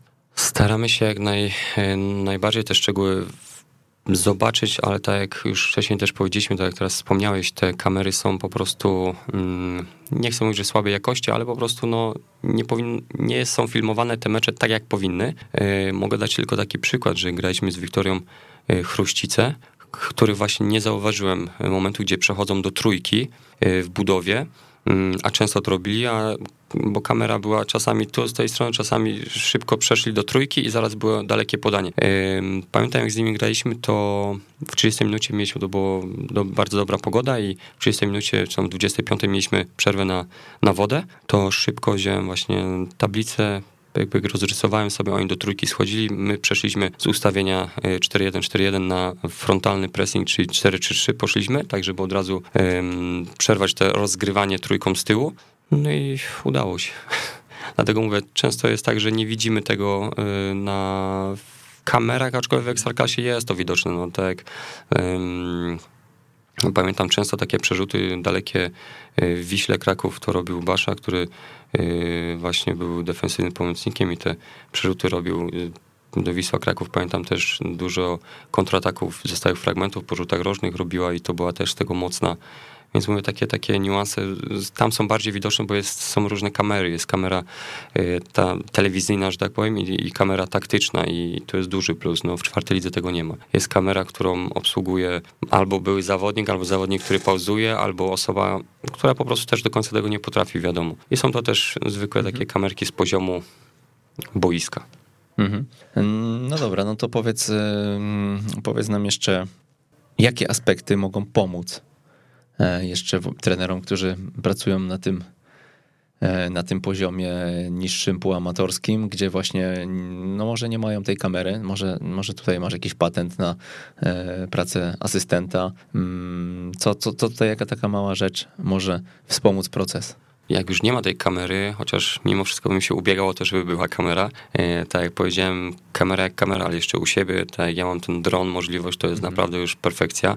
To jest już naprawdę bardzo dobrze. A nagrywacie każdy trening dronem? Nie, nie trening nie. Treningi mamy kilka nagranych, e, kilka mamy treningów nagranych e, z dronu, ale mecze u siebie mieliśmy cały czas. A to kto to e, robił? Mój znajomy po prostu. Mhm. Też mu tak, y, że tak powiem, płaciliśmy do ręki, że tak powiem, bo to jest dron też ten najmniejszy, 250 gram, który mhm. też musieliśmy zwracać uwagę, że to była dobra pogoda, bo tam delikatne jakieś wiatry czy coś, to już, czy deszcz, to już wiadomo, było też już ciężko. No, ale dawaliśmy sobie radę i, i i z różnych perspektyw ten dron oczywiście był, ale tak wracając do jeszcze do tego tematu, to jeśli ktoś nie ma tego możliwości, a ma asystenta, no wiadomo, można tutaj liczyć czy podania, czy, czy już takie bardziej statystyczne y, rzeczy podania, czy uderzenia przeciwników, czy stałe fragmenty, ile rzutów rożnych kto wykonuje, czy to są rzuty rożne oczywiście y, dochodzące, odchodzące i tak dalej. No to są takie aspekty, które tylko możemy zobaczyć i na papier przelać. No. Mhm. Ale takie czasy to były raczej kiedyś. No. A jak ty oglądasz mecze? E, na co zwracasz uwagę i masz jakiś taki opracowaną e, punkt po punkcie strukturę tej obserwacji?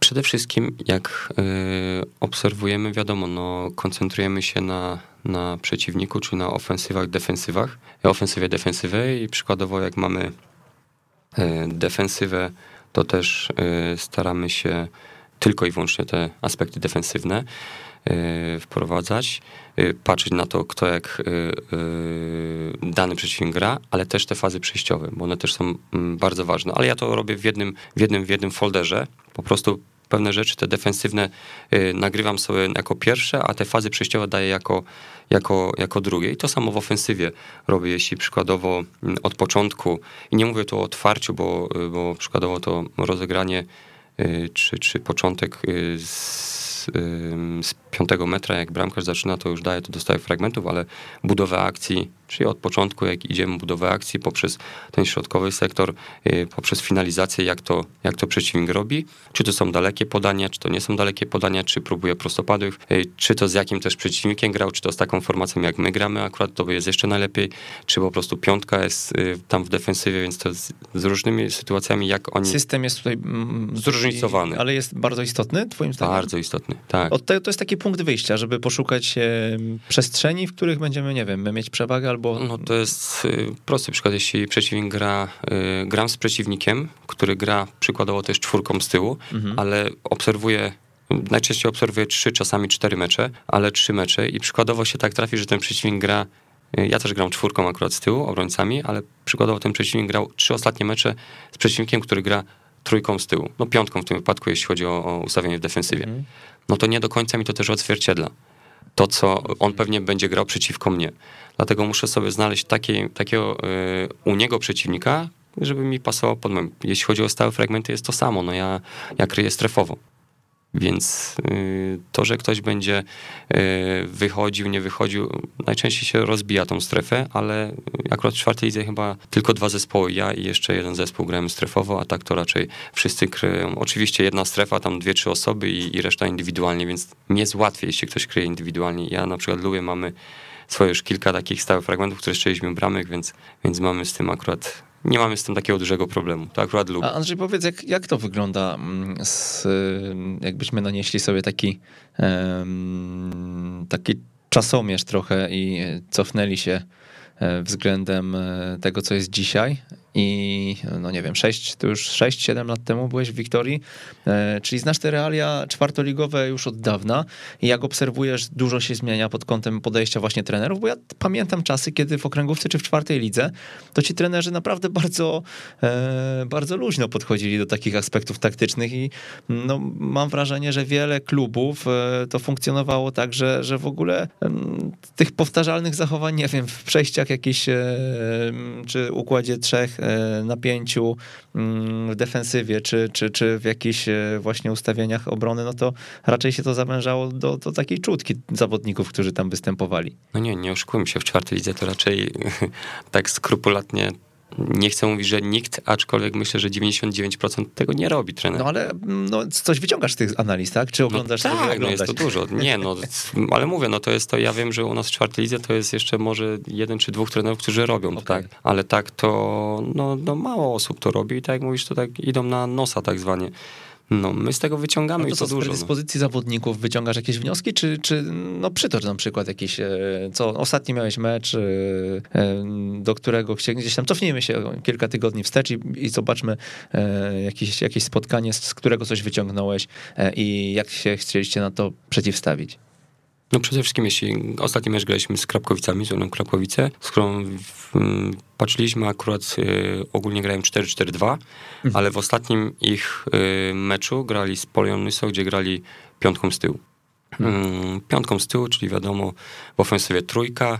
E, personalnie wszystkich wiedzieliśmy, kto gdzie są bardzo wysoki zespół, no bo tam no, zawodnicy typu Kurpierz, Brzozowski, Antroszko, no Brzozowski ma prawie 2 metry, Kurpierz ma myślę, że z 1,90 Wiadomo, tych niestety centymetrów do końca nie mogę znaleźć, bo nie wszyscy są e, gdzieś w internecie zapisani, mhm. e, ale tak jak powiedziałem, grali 4-4-2 i teraz trzy zagrają trójką, czy zagrają czwórką.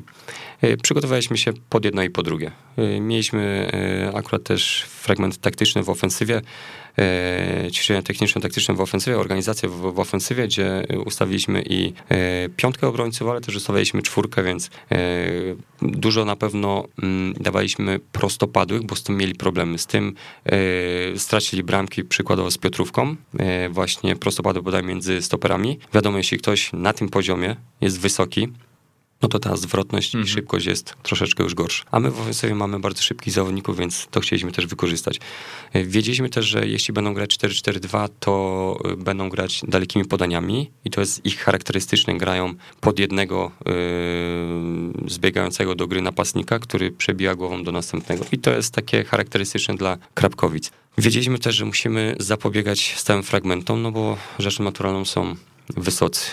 Tego niestety nie zapobiegliśmy, ale mecz skończył się wynikiem 0-0, więc udało nam się po prostu przetrwać bez straty bramki, aczkolwiek też słabo zagraliśmy akurat ten mecz w ofensywie, więc skończyło się tylko 0-0. Czyli te prostopadłe nie dochodziły celu? Nie dochodziły, niestety tu też e, troszeczkę nam się szpital już teraz zaczął, ale też no u mnie w drużynie jest tak specyficznie, bo gramy naprawdę bardzo dobre spotkania. Powiedziałbym w niektórych momentach nawet y, znakomite, jak dosłownie tydzień jeszcze szybciej przed Krapkowicami graliśmy z rezerwami Odry. Opole, która gra 4-3-3 bardzo ofensywnie. I my też zagraliśmy 4-3 bardzo ofensywnie. I wygraliśmy 3-1, świetny mecz. Wiedzieliśmy, że mamy przewagę Jaką? No doświadczenie.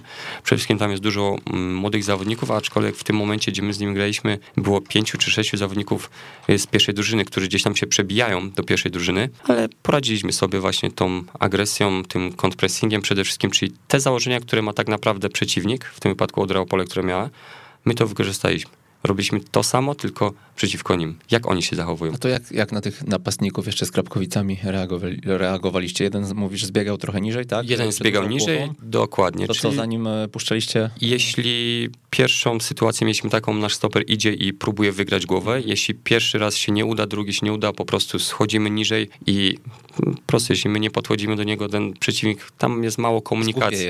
Ten, nie, to nawet nie o to, tam jest, tam jest mało komunikacji i on będzie i tak robił to samo, czyli i tak będzie zbijał piłkę jeszcze do tyłu, a my musimy się, więcej, a my musimy się zasekurować i jeden jest więcej, dokładnie. Mhm. No, czyli tak e, chyba chodzi o e, takie mm, bardziej ogólne rzeczy, tak? E, ogólne, tu jest też w Krapkowice jeszcze patrzyliśmy na te górne podania, czyli na tą drugą piłkę. Bo to, że wygramy pierwszą, bądź nawet czy przegramy, to ta druga piłka jest bardzo ważna. I w, Ekstraklasie jest tak samo. Mm, też jak zauważycie, te drugie piłki to są czasami tak kluczowe. Jak się wygra, to to można stworzyć naprawdę zagrożenie. Mhm.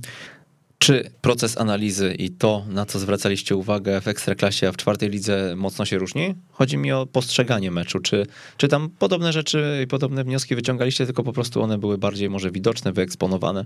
Bardziej były widoczne, wyeksponowane. Tutaj pewnych rzeczy nie mogę zauważyć, bo tak jak mówiliśmy o, tym, o tej jakości nagrywania przede wszystkim, to, to, to tak ogranicza na pewno i to w dużej mierze bo pewne mecze są naprawdę z perspektywy boiska, już nie mówię, że delikatnie wyżej, ale z perspektywy boiska, więc są po prostu bardzo słabo. Więc nawet jeśli później mamy odprawę i gdzieś tam pokazuję te filmiki, to no jest ciężko, chociaż mówię, każdą odprawę robię multimedialnie i to też jest też jest problem, bo nie mamy, no rzutnik mam swój prywatny oczywiście, nasz klubowy, który akurat wozimy cały czas, no ale wiadomo, jak jedziemy gdzieś, robimy to na ścianie u siebie yy, w klubie, ale jeśli jedziemy gdzieś, to też musimy na ściany. Te ściany są różne. Mogą być czerwone, zielone i to mhm. wiadomo, później w filmie jest różnoraki odbierany. Mhm.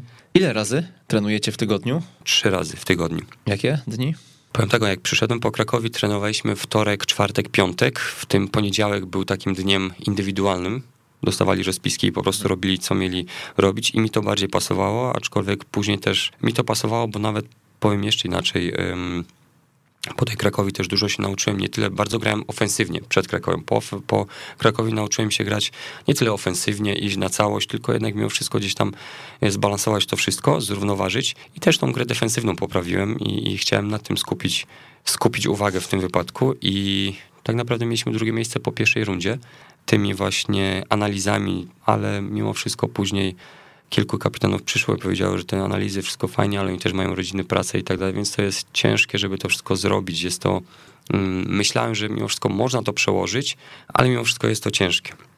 jest to po prostu ciężkie dla tych chłopaków, bo nie tyle, że są półtorej godziny czy tam dwie godziny na treningu, bo muszą wiadomo przyjechać, zorganizować się, to jeszcze po tym jest kilka, muszą kilkadziesiąt czy tam kilkanaście minut zostać na, na, na tą analizę. A tej analizy robiliśmy no, no co trening. Mhm. Trzy razy. Później zeszliśmy na poniedziałek, czwartek, poniedziałek, środa i czwartek. Ty dzisiaj pracujesz e, tylko w agroplonie, czy na to sobie pozwolić nawet e, przy, e, przy poważnym sponsorze, jak na warunki czwartoligowe pozwolić nie można? Nie, no tutaj no nie można, nie można, nie ma takiej opcji. To pracuję w szkole jeszcze jako y, nauczyciel WF-u i no i tu wiadomo, po, po, po tych lekcjach, po tej pracy w szkole y, organizuję sobie trening. Dzisiaj więcej czasu dla rodziny jest? No na pewno tak, na pewno samą tą przyjemnością jest to, jak, jak zawożę dziecko do przedszkola nawet. To jest niby, można powiedzieć, że to obowiązek, ale to jest też przyjemność, bo później w pewnym momencie jak to znika, to... Chociaż to jest najgorsza brakuje. robota, ja tak. uważam, bo jeszcze w, w, tym momencie, jak ci się obraca córka i mówi, a no tato, jadę z tobą, e, a ty mówisz, nie, no mam pracę, no to w tym momencie jest zawsze e, niesympatycznie tak, patrzeć ale, na mnie, ale jak sobie, właśnie ale sobie, kilka metrów się oddala. Wyobraź sobie teraz, że na pół roku ci to y, tracisz to, że nie możesz, nie możesz zawodzić. To później jak do tego wracasz, to z miłą chęcią to robisz. No, chociaż ja wolę odbierać. E, jak powiedz mi obecnie patrzysz na swój rozwój e, i mm, gdzie szukasz inspiracji? Wiem, że staże, tutaj już parę razy to wybrzmiało, że mm, no, to jest jakaś tam część twojego życia. Na tak? pewno konferencje. Na tej konferencji już byłem na ponad 20 e, i to w całej Polsce i, i na pewno to jest takie kluczowe, w którym można z każdej konferencji coś wyciągnąć dla siebie. E, nawet jeśli to miałoby trwać 5 godzin, a jedno zdanie, które będzie kluczowe, to naprawdę jest warto, bo to są właśnie te niuanse. Nie, nie wszystko jest dla wszystkich trenerów, e, dla poszczególnych, w poszczególnych, że tak powiem, tych, od tych prelegentów oczywiście, którzy są. No i staże, moim zdaniem to jest mocny punkt, te staże trenerskie, bo kwestia kto do tego jak podchodzi, jeśli ktoś podchodzi do tego, żeby odbyć to, fajnie zobaczyć jeszcze miasto i tak dalej, to nie o to chodzi. Jechać i naprawdę się w tym zaangażować od rana do wieczora, gdziekolwiek byłem, bo, bo mówię na tych stażach, byłem na dziewięciu stażach w Polsce, na sześciu bodajże i, i, i, i trzy zagraniczne i, i tutaj, czy to w Anglii, e, w Crystal Palace, czy, czy, czy w Slawii, wsparcie Praga. Myślę, że dogadalibyście się z Rafałem Wisłockim, musicie się umówić na, na jakiś staż. W ostatnim odcinku właśnie o tym, e, o tym Rafał opowiadał. Jak ty chciałbyś, żeby grały twoje zespoły? Ty dopasowujesz się do tego, co, co, co zostajesz e, w szatni, czy, czy forsujesz swój model gry? Mówimy o poziomie czwartej ligi, czy to jakbym chciał? Nie, no, no, możemy przyjąć dwie opcje. No, raczej skłaniamy się ku tej czwartej lidze, e, ale, ale oczywiście no wiadomo, najpierw, wymarzony model też możemy pokazać. Najpierw patrzę na to e, po prostu, jakich zawodników mam, czy mam bardziej ofensywnych, czy, czy defensywnych, e, jakich zawodników mam na poszczególnych pozycjach i czy mogę sobie taką formację dobrać, jaką ja bym chciał, czy jednak nie. Ale mimo wszystko wolę grać ofensywnie czwórką z tyłu, to przede wszystkim. Ja wiem, że teraz jest trendy takie na trójkę i nie jest mi to, że tak powiem, obce, bo też tutaj yy, akurat też sobie analizowałem yy, Sporting Lizbona sezonu, no z początku tego sezonu, przepraszam, tutaj akurat też młody trener tam jest, yy, Ruben Amorim, który naprawdę dobrą robotę zrobił i też miał UEFA, a zdobył Mistrzostwo Portugalii, teraz jest na UEFA Pro. E, więc na pewno dużo się można od tych meczów właśnie tam trójką e, w defensywie grają dużo się nauczyć, ale mimo wszystko wolę 4-3-3, bo z tego można przekształcić na trójkę i, i lubię 3-4-3 czy 4-2-1 na tej zasadzie, więc mówię, mm, lubię z czwórki, z 4-3 przechodzić na, na, na 3-4-3. Mhm. A coś o stylu gry możemy powiedzieć, że mm, zespoły Andrzeja Moskala grają właśnie, właśnie tak. E, to powiem tak, na pewno taki styl miałem przed Krakowią, bo, bo teraz dopiero e, do tego podchodzimy, ale to trzeba, mówię, my jesteśmy też w takim w kiepskim momencie, jeśli chodzi o, o nasz klub teraz. Tak jak powiedziałem, tutaj nam miesiąc temu prezes zmarł, więc to jest, mówię, ciężki moment i, i, i zobaczymy, co będzie oczywiście dalej, ale no jak byłem szybciej przed, przed Krakowem jeszcze, to graliśmy bardzo ofensywnie. E, oczywiście kluby pewnie wiedziały o tym, że będziemy bardzo wysoko.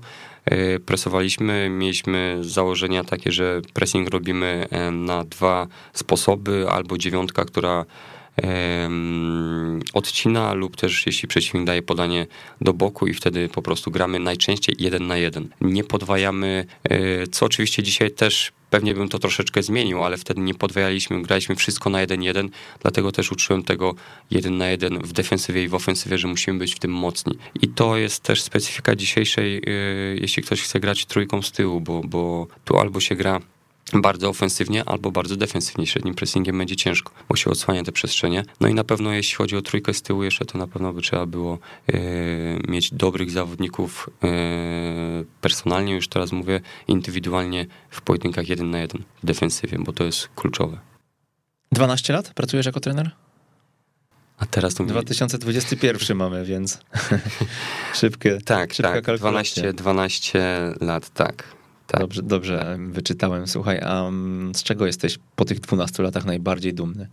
Na pewno z tego, co zrobiliśmy w Głuszynie, e, bo tak jak powiedzieliśmy szybciej, jest to w 5 lat zrobić taki progres z drużyną, którą naprawdę ciężko jest, bo każdemu się myśli, że jak są pieniądze, to można szybko to zrobić. Niekoniecznie, tam są różne charaktery przychodziły, robiły, przychodzili zawodnicy, ciężko powiedzieć, z doświadczeniem pierwszoligowym, ale gdzieś tam powiedzmy mieli kilkanaście minut w pierwszej lidze, czy, czy w drugiej lidze w Kluczborku w tym wypadku. I już się im wydawało, że są zawodnikami, aczkolwiek tutaj schodzi poziom niżej i też to są różne charaktery i, i mi się wydaje, że tutaj cieszę się z tego, że w te pięć lat zrobiliśmy naprawdę bardzo dobrą robotę, bardzo dobrą pracę wykonaliśmy. E, w 5 lat zrobić awans z B-klasy do trzeciej ligi to jest naprawdę, nie chcę mówić, że szczyt marzeń, bo szczyt marzeń było czwartej ligi do ekstraklasy oczywiście, ale jak się nie ma co się lubi, to się lubi co się ma. Więc na pewno to jest dla mnie takim miód na serce, że tak powiem. To na pewno jest y, taką motywacją do dalszej pracy. I na pewno tym zwieńczeniem była ta Krakowia, y, do której poszedłem i tam na pewno się dużo jeszcze nauczyłem, bo, bo tak jak powiedziałem od trenera Probierza, czy od yy, tutaj Grzegorza Kurdziela, czy od innych przede wszystkim ze sztabu, ale też samego zachowania, samego yy, pracy tej trenerskiej oczywiście w sztabie, bo tego też nigdy nie miałem oczywiście. Ja też pracowałem sam, teraz dopiero mam asystenta, więc też wiem jak mniej więcej reagować, jak zarządzać tym, tym klubem, ale tak jak powiedzieliśmy, najbardziej co mnie Mm, w mojej tej przygodzie dwunastoletniej, tak jak powiedziałeś, to te pięć lat, które zrobiliśmy z Agroplanem Guszyna, to, było, to był taki sufit, który nie powinien się wydarzyć z taką drużyną, a jednak się wydarzyło. A gdybyśmy zawęzili jeszcze ten, do tego roku w Krakowi, e, był tam taki moment, z którego byłeś też jakoś szczególnie dumny, że nie wiem, podrzuciłeś coś, co zmieniło e, los jakiegoś meczu, albo przekonałeś do czegoś swojego szefa?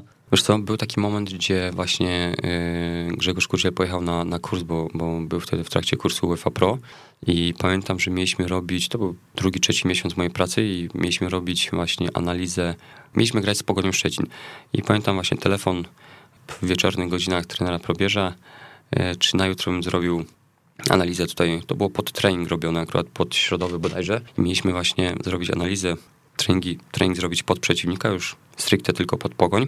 Wszystko zrobiłem, całą tą analizę. Oczywiście na drugi dzień robiłem to do 5-6, tam jeszcze wracając, jeszcze mówię, policja mnie tam złapała. Ale wróciłem, wszystko fajnie, o 8 byłem w klubie. Mieliśmy wszystko to zorganizować, o 10.30 było, yy, była odprawa. Yy, trener mi tam dał mimo wszystko troszeczkę w innej formie, żebyśmy to zrobili. Miałem na to niespełna godzinę, żeby to wszystko zrobić. Było tam około 60 slajdów więc trzeba było naprawdę te wycinki, wszystkie moje, które porobiłem, to trzeba było szybko e, pod te e, hasła, że tak powiem, podpiąć. E, no i skończyłem to wszystko o 10.27, więc 3 minuty przed czasem. Jeszcze pamiętam, jak Michał Pyskowicz już siedział w pierwszym rzędzie, już czekał, a tu a ja dopiero co skończyłem, więc z tego byłem dumny, że to zrobiłem. Wtedy chyba to był ten moment taki, który już tak na 100% wszedłem w, tą, w ten sztab, a co było jeszcze dla mnie taką satysfakcją, to to, że yy, trener nie zmienił nic na odprawę przedmeczowym zrobił to samo, to co było na tym, mówi, że to naprawdę fajnie to wyszło i to dajemy na odprawę przedmeczową, więc to było dla mnie takie też, też duża satysfakcja z tego. Powiedziałeś o konferencjach, o szkoleniach, o stażach, a jakieś książki um, poleciłbyś naszym słuchaczom? Takie pięć tytułów oczywiście będę. Ja lubię oczywiście mm, jakieś te biografie i tak dalej, więc to jest, to jest bardzo to lubię, aczkolwiek mam taką jedną, którą też mi tutaj yy, Grzegorz Kurdziel poradził i, i, on kupił, on mi ją pożyczył później i ją przeczytałem.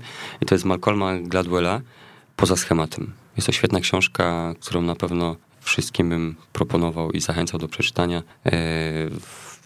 Tam można się dowiedzieć o różnych, nie tylko o sportowych aspektach, bo, bo o, o piłce nożnej czy o, o hokeistach, ale ogólnie jak sportowcy. I to też można podpiąć pod całą naszą nawet młodzież. Najczęściej ci sportowcy, tam było też wyliczenie ładne, jak, jak reprezentacja Hiszpania, mm, dlaczego jest taka dobra, dlaczego ta młodzież jest taka dobra. Wszyscy praktycznie szkolenie, oczywiście to jedno, bo jest bardzo dobre, ale wszyscy tam, większość byli urodzeni w styczeń, luty, marzec, co też jest oczywiście ważne, bo jeśli bierzemy kogoś zawodnika, który jest z grudnia, to już ma te 10 miesięcy mniej. I ten rok urodzenia, miesiąc urodzenia jest bardzo ważny. Tam oczywiście były też aspekty inne w danym momencie po wojnie, jak się interesy kręciły. No mówię, trzeba to przeczytać, e, trzeba wbić się w daną epokę, w dany, w dany, w dany że tak powiem, taki, taki przedział czasowy, czyli po wojnie internet, kiedy się przykładowo rozkręcał w latach 70. bodajże. Osoby, które to rozkręcały, które są na topie dzisiaj, no, urodziły się i tam też są ładne wyliczenia, 52, 3, 4 rocznik i tak też jest. Więc mówię, tu jeśli chodzi o aspekty takie piłkarskie, tam też byli hokeiści do tego e, podpięci, więc na pewno jeśli patrząc na młodzież, my bierzemy wszystkich, którzy są na ten czas dobrzy. Przykładowo strzelam teraz U15, U16, tak? Mhm. Ale często oni są dobrzy, bo ten y, urodzeni są styczeń, luty, marzec, tam ktoś jest z czerwca powiedzmy, czy tam z września. Pamiętajmy, że ci później, to jest moje zdanie już teraz, ci z listopada czy z grudnia kiedyś dojdą do tego poziomu seniora i będą równie dobrzy lub nawet lepsi, ale oni mogą już zginąć mhm. w tym procesie całym. Już szybciej niestety na właśnie y, na, na poziomie już tym młodzieżowym. Mamy jakieś tytuły kolejne, czy zostawiamy poza schematem? Tak samo jest później y, pięć pozycji. Malcolm Gladwell tak samo, Błysk. Mhm. Później książka Manchester City Pepa Guardioli i tu budowa super drużyny. To ostatnio właśnie czytałem i też byłem pod wrażeniem. To autor jest Pop Balus i Lou Martin. Bardzo dobre takie wrażenie na mnie wywarła książka yy, Alexa Fergusona i Michael Moritz. Tu jest Alex Ferguson być liderem. Mhm. I dałem sześć książek, mam więc teraz się Musisz myślę, wybrać. która jedna. To jest standardowy problem, do którego ten... Mimo wszystko wybiorę e, starą już książkę, bodajże z 2013 roku, e, Mourinho za kulisami zwycięstw. Dlatego, dlatego to była ta pierwsza, e, jedna z pierwszych tych książek takich trenerskich, że tak powiem, o trenerach, które mnie też zaintrygowały i, i też właśnie warto do niej, warto do niej wrócić. Jakie rady dałbyś naszym słuchaczom? Na pewno, żeby dążyć do wyznaczonego przez siebie celu, nie chcę mówić, że to ma być parcie na szkło, bo to nie na tym rzecz polega. To ma być zdrowy, fair play, dążenie do wyznaczonego przez siebie celu, bez względu na to, jakie problemy się e, i błędy popełnia, ale trzeba iść w dobrym kierunku, trzeba robić swoją dobrą robotę w swoim, e, że tak powiem, w swoim modelu gry, że tak powiem, i tym, tym swoim zdaniem się kierować, tą swoją myślą się kierować. Oczywiście być otwartym na inną, na tą nową wiedzę, na, na, na innych słuchaczy i też słuchać. Bo to jest też ważne, żeby słuchać, niekoniecznie wszystko brać do siebie, to co jest trendy dzisiaj, ale żeby po prostu to delikatnie wdrażać w swój model. To jaki jest twój cel? Ekstraklas. Samodzielnie czy w sztabie? Nie no, ja tak poważnie na ten czas to chciałbym e, być na poziomie centralnym. Na pewno chciałbym się jeszcze od kogoś e, uczyć, więc jeśli bym dostał propozycję z asystentem z miłą chęcią. Tak jak powiedziałem, więcej pewności siebie mam, więcej już tego doświadczenia i chciałbym to doświadczenie jeszcze nabywać. Oczywiście praca samodzielna też wchodzi w rachubę, tylko na ten czas jest to e, maksymalnie druga liga i nie oszukujmy się, z czwartej ligi nikt nie da pracy do drugiej ligi. A dlaczego postanowiłeś, że będziesz trenerem w ogóle?